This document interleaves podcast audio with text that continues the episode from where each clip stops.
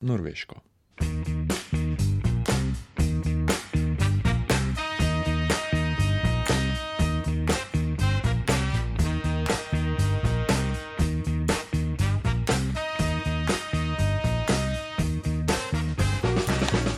Cenjene in cenjeni ljubitelji nenavadnih podatkov, pa tudi na ključni spremljevalci Antikviza, dobro jutro. Če ni že dober dan, eh, danes gremo torej na Norveško. Razlogov in povodov za to odločitev na tem mestu ne bova obnavljala, ker so iz črne kronike. Uh -huh. Takim se bova poskušala izogniti tudi potem, ko začnemo ugibati. Ja, takoj, ko obnovimo pravila, pet bolj ali manj nenavadnih podatkov o Norveški, štirje držijo, eden je izmišljen, iščemo pa seveda kot vedno fake news. Nič 1, 4, 7, 5, 2, 202, kateri podatek o Norveški je torej izmišljen, tole pa izbira torej dejstva o Norveški. Tako, podatek številka ena. Svetovno znano in zelo drago znamko norveške izvirske vode VOS lahko kupite po vsem svetu, tudi pri nas, pri čemer je zanimivo, da jo polnijo v Gruziji. Drugi podatek. Glavno mesto Norveške se Oslo imenuje od leta 1924, prej se je imenovalo Kristijanja. Tretji podatek, norveška Noetova barka, pravijo globalni semenski banki na Svalbardu, otočju med Norveško in Severnim polom, kjer globoko v gori in ledu hranijo že krepko prek milijon različnih vrst semen z vsega sveta. Četrti podatek. Troll je ime norveške avtomobilske znamke iz sodobnikov vzhodno-nemških trabantov. Nizkocenovne trole so na norveškem izdelovali že nekaj mesecev pred trabanti, so pa bile njihove šasije prav tako iz umetne mase.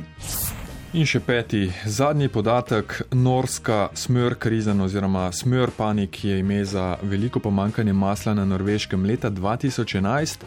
Zavojček masla eh, iz uvoza je v trgovini zaradi velikega popraševanja stal tudi do 40 evrov, spletni prodajalci pa so ga prodajali tudi po 80 evrov za kos. Tako, eh, pet podatkov o norveški, nič 1, 4, 7, 5, 2, 202, iščemo pa tistega, ki ne drži.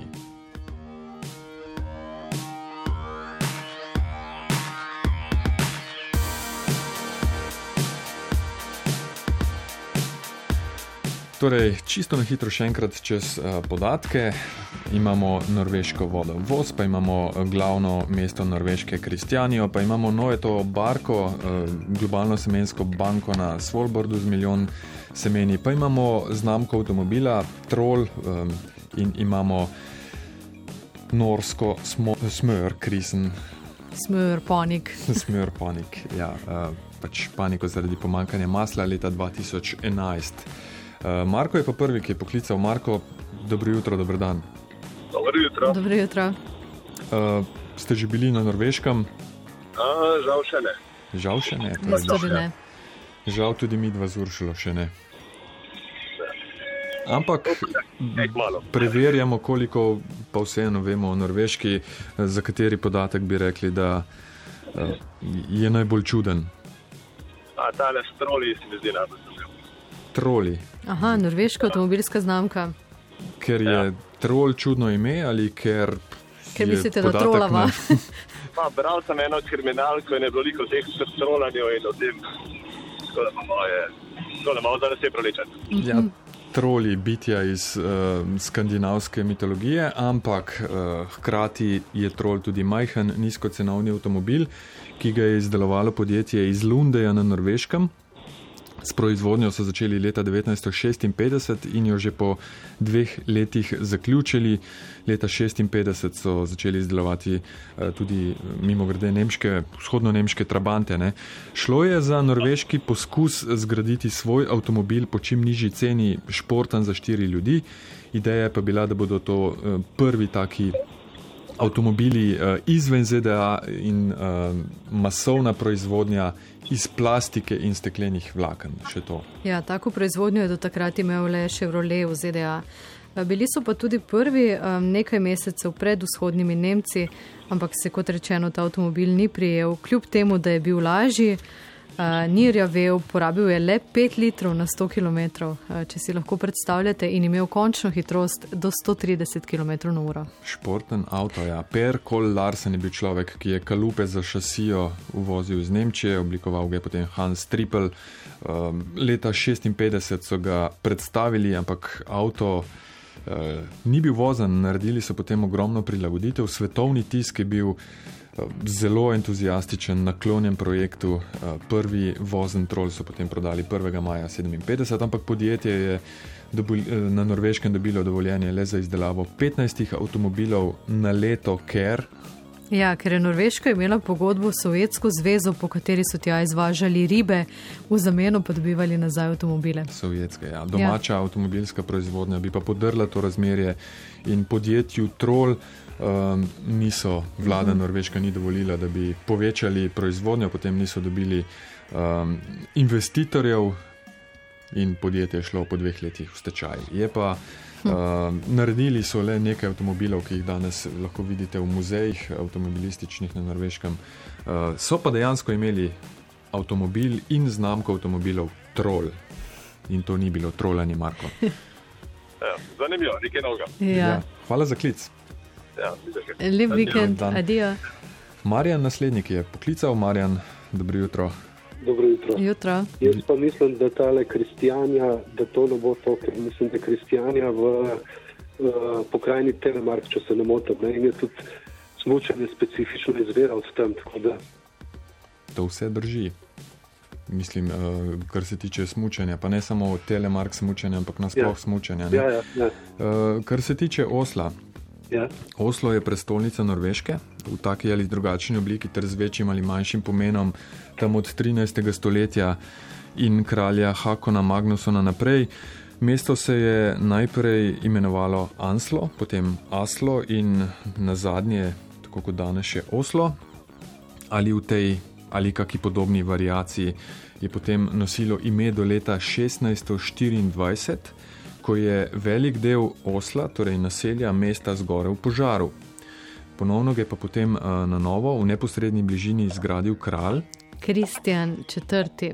in ga poimenoval po sebi Marjan Kristjanja. Ja. Nekaj novega. Ja.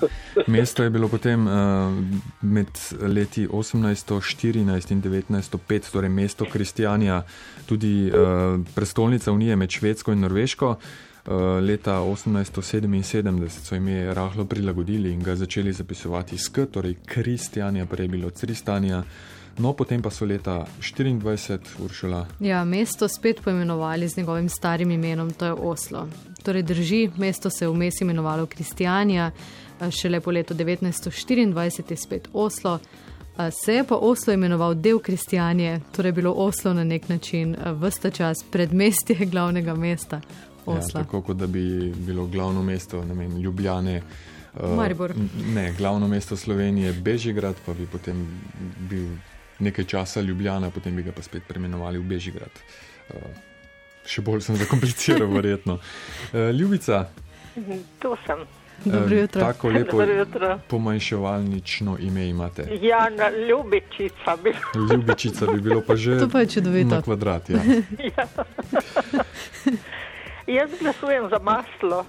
Maslo. Jo. Ker je kar neverjetno, da bi imeli. Pa, jaz mislim, v tem globaliziranem svetu leta 2011, ja. da ne bi mogli speljati tisto maslo silno, ko ga proizvajajo na, Nor na Norveško, se mi zdi neverjetno. Ampak tudi pri nas smo imeli eno to masleno krizo vmes. Se spomnite, ko so cene šle? Ma vem, ne tako drastično. To je res. Recimo, ja. To je res. Ta zavojček za 40 evrov, 80 evrov je kar veliko. Naj samo spomnim na težave pred letom in pol, uh, slovenske pa verjetno tudi globalne, uh, s stoletnim papirjem. Mm.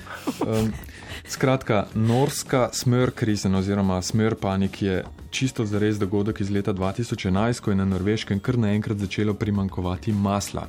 In princip krize, kot je tedaj že omenil, oziroma panike, je podoben paniki eh, toaletnega papirja pri nas in po svetu ob začetku korona krize, ko so ljudje kupičili rolice. Ja, tistega poletja je dež precej vplival na pašo krav na norveškem in občutno zmanjšal proizvodno mleka, s tem so posledično na trg spravili manj eh, domačega masla, mleka in masla. Posledično se je popraševanje začelo hitro povečevati, ker so se ljudje začeli bati, da bo domačega masla zmanjkalo. Pa tudi eh, ravno takrat je bila na norveškem popularna posebna dieta. Eh, z, Visokokalorična. Ja, z maslom živalskega izvora. Ne, pravi, eh, maščobami živalskega izvora. Res, po takih cenah, da so ga prodajali. Poslušajte, tega to še zdaj. pridemo. Ljubica, oktober 2011 se je prodaja povečala za 20 odstotkov, eh, posledično so kljub carinam povečali uvoz, cene masla pa so začele res nenormalno rasti. En zavojček uvoženega masla je stal tudi 40 evrov. Ja, maslo je poleg tega na norveškem pomemben del domače eh, božične prehrane, ne? zato so ljudje še toliko bolj začeli ob koncu leta kopičiti zaloge. Industrija je takrat primankljaj ocenila na do uh, 100 tisoč ton, zacvetel je celo črni trg, ko so ljudje prek spleta kupovali zavojčke, uh, tudi po 80 evrov so bili najdražji. Mlečno predelovalna industrija na norveškem pa je potem od vlade zahtevala, da nenormalno situacijo reši z zmanjšanjem carin, eh, ker pač ni eh, Norveška v EU, in so jih potem dejansko zmanjšali za 80 odstotkov. Norska smrt krize, oziroma smrt panik, torej kriza, eh, je šla celo tako daleč, da so časopisi za nove naročnike ponujali pol kilograma masla. Maturanti pa so v spletnih dražbah z maslom zbirali sredstva za izlete. Ja. Pa policija je tudi veliko ljudi aretirala, ker so pač te, ki so ga poskušali pretihotapiti v državo. Um, v večjih količinah so pa recimo švedske trgovske verige norveškim kupcem brezplačno delile maslo, če so prišli po nakupih čez mejo na Švedsko. To velja za obmejne kraje. Ne? Nenavadna zgodba iz ne tako davnega leta 2011, ki kar lepo pokaže, kako eh, tudi lahko deluje ne, prosti trg. Eh, Ljubica, Dobro, polepšali ste mi dan, moram reči, Vi pa nam. zmagala. lep dan, ljubica, zdaj pa hitro na zajtrk, pa kruh z maslom. Malo slišiš na tem radiju. lepo bodite, lepo, lep Enako, ljubica. želim. Nasvidenje. Naslednje, uh, naslednji je pa Duško, oziroma Dušan. Dušan, pozdravljeni, Oboje vela. Dobro jutro. Zmenjeno. Uh, ja, še dva podatka sta nam ostala. Ne? Eno je norveška Noetova barka, kot pravijo globalni semenski banki na Svalbardu, drugi je pa uh, ta svetovno znana in um, draga znamka norveške izvirske vode Vos. Še vedno cenejša od masla ja, v kriznih časih. v, naj, Ja, jaz bi glasoval za to banko, ker se mi zdi podatek milijon pa malo hud. Kako se vam bo potem šele obrazložitev zdela huda. No, super, se pa so pa vesel, no. če imamo po milijon na zalogi, pa pa ne, ja. Milijon imamo na zalogi, pa prostore pa celo za 4,5 milijona uh, vzorcev, vzorec pa šteje po 500 semen. Skratka, ja, zgodbo povzemam po, povzeva, povzemava po The Local, to je norveški časopis in spletna stran v angleščini, ki je o norveški Noetovi barki poročal leta 2018, ko so presegli milijon semen različnih rastlinskih vrst z vsega sveta. Eh, Kot sem rekel, vzorec vključuje po 500 semen ene vrste. Eh, Prispevek so pa pripravili ob deseti obletnici te semenske banke, sodnega dne, kot pravijo uh, Svalbardskemu globalnemu skladišču semen, ki si pač prizadeva zaščititi rastlinske vrste pred morebitnimi naravnimi nesrečami. Ja, kot so zapisali, gre za skladišče za varno shranjevanje semen, zgrajeno na preizkusu časa in izzivih naravnih nesreč ali nesreč, ki jih povzroči človek. Ja, To je taka semenska banka, torej eh, trezor, ki se nahaja globoko v skali gore na Svalbardu. Eh, To je oddaljeni arktični otok, ki leži v morju med Norveško in Severnim polom. Ja, semenski trezor ima kapaciteto eh, za shranjevanje, kot smo rekli, do 4,5 milijona različnih vrst. Torej, hm. Še je rezerve, odprli so ga 2008, eh, vam pa semena eh, shranjujejo vlagatelji iz vsega sveta, da nimo. Takrat eh, ob deseti obletnici so ravno van vložili črnooki, grah, pa eh, bambara, zemljski orešček in estonski čebulni krompir. Lastnik teh semen je pa država, ki jih van vloži. Če sem prav pogledal, um, ima tudi Slovenija tam shranjenih 20 različnih vrst semen. Tudi mi imamo torej še prostor ne, za shranjevanje. Tudi, verjetno svetu, imamo več kot 20, več kot 20 vrst. Eh, vrst rastlin. Ja. Sicer pa po svetu obstaja okrog 1700 semenskih bank, velja pa ta, ki je približno 1000 km oddaljena od severnega pola, za najvarnejšo, um, saj leži v skali in ledu. Ja, tako. Z njo upravljajo pa uh, tri uh, organizacije, se pravi uh, Crop Trust, Norveška vlada in Nordijski center za ohranjanje genetske raznovrstnosti. Ja, Dušan, ste še z nami? Še, še poslušam. Podatki so taki, da jih je lepo slišati. No? Ja, sem da ne bodo le tam. Ja. Če sem čisto pošten, to je bil edini podatek, ki sem ga vedel, preden sem jih začel iskati, za katerega sem res vedel, da um, obstaja in da, da drži. Okay. Dušan, hvala lepa. Hvala. Lep ja, konec tedna, ko pride na vrsto. Je pa nekdo drug zelo. Je pa Majda, ki je verjetno že sinoči čutila, da bo danes njen srečen dan. Dušan, lepo zdrav. Srečno. Vsekakor, ker uh, najprej, ker imam minuto časa, uh, ne, uh, me je varovana uh, zavitnica včerajšnji godovni dan, je imela to je pa Uršula. Ne? Ja. A, in to je zavetnica vzgojiteljev, učiteljev in ni dni, e, seveda tudi nas v internatu ali dijaškem domu, ne, to ni krasno e, ravnateljstvo, podravnateljstvo, kuharstvo, Tani in Marijo in ni dni in nočno vzgojiteljstvo zelo dobro tudi. Po imenu Piruška, študirala je arhitektura. Ime bo pa Uršula ugotovila raz, uh, po slovensko, kako se imenuje. Nekaj kliče. Urška. Sveta Uršula, mučenica, zdaj pa nazaj na Norveško. Zelo pozorno. Mučenica, ja. ja. ja, nazaj na Norveško. Zelo je napredovala, pridna in delovna. Ne? Tako. In pije vodo voz z Norveške. ja, to pa ne. ne, zakaj pa ne? To je pregrešno. Pregrešno, drago, predvsem. Drago ne. in okoljsko. ne polnijo je v Gruziji, nikakor ne. Uh, ostalo ja. bolj ali manj drži. Jaz še naprej želim, ne, da bo še, uh, če se vrvala, ne, Hvala, enako, naslednjo generacijo. Predvsem pa še to bi rada rekla. Sem v intervjuju poslušal pod noč na radijskem programu Niko Kovač. Ni deni. Ne vem, kdo je imel intervju, ampak vsekakor priporočam. Mu prenesem. Če je to točno tako. Ja, torej, k vodi voz. Majda, hvala lepa za klic, ostanite na zvezi. Mi dva bova pa vmes uh, povedala, kaj je to vodo voz, ki je ne polnijo v Gruziji, je pa o polnjenju neka druga zanimiva zgodba. Ja, voz je norveška blagovna znamka ustekleničene vode iz vasi Vatnešström v občini Iveland. Uh, voz je sicer tudi občina na norveškem, ampak voda ni od tam. Ampak iz kakih 400 km oddaljenega Vatneströma, kot smo rekli. Lasnik je ameriški, blagovno znamko prodajajo v prek 50 državah sveta, predvsem priljubljena je v ZDA, kjer se oglašuje kot popolnoma mm. oglično neutralna. Njena popularnost je začela leta 2007, ko jo je revija Women's Health razglasila za najboljšo ustekleničeno vodo na svetu. Neil Kraft je potem oblikoval očesu čim bolj privlačno steklenico, ki je postala izjemno popularna. Nisi bil pravi influencer, influencerka, če se nisi pokazal s to steklenico. Kreativni direktor podjetja je bil pa takrat Calvin Klein. Ja. Potem se je pojavila v Jamesu Bondu eh, leta 2015, kar jo je seveda katapultiralo v ekskluzivne hotele in pa restauracije. Eh, to se pa je zgodilo tudi s ceno. Ja, katapultiralo jo je.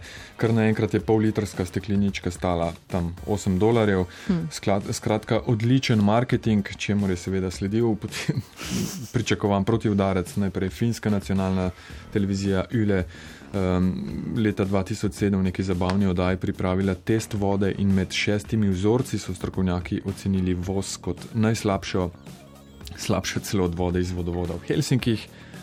No, potem v oktobru 2010 pa je norveška televizija 2, to je prva komercialna televizija na norveškem, eh, poročala, da so vzorci vode po raziskavah popolnoma enaki kot vzorci vode iz vodovoda v občini Iveland. Glede ga zlomka, ne.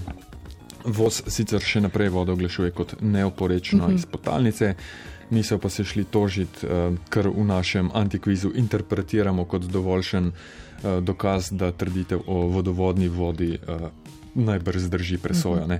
Je pa to je v zadnjih desetletjih seveda postalo jasno, ključni del te vode in te zgodbe, dizajn steklenice, pa pač influencerji. Pa cena.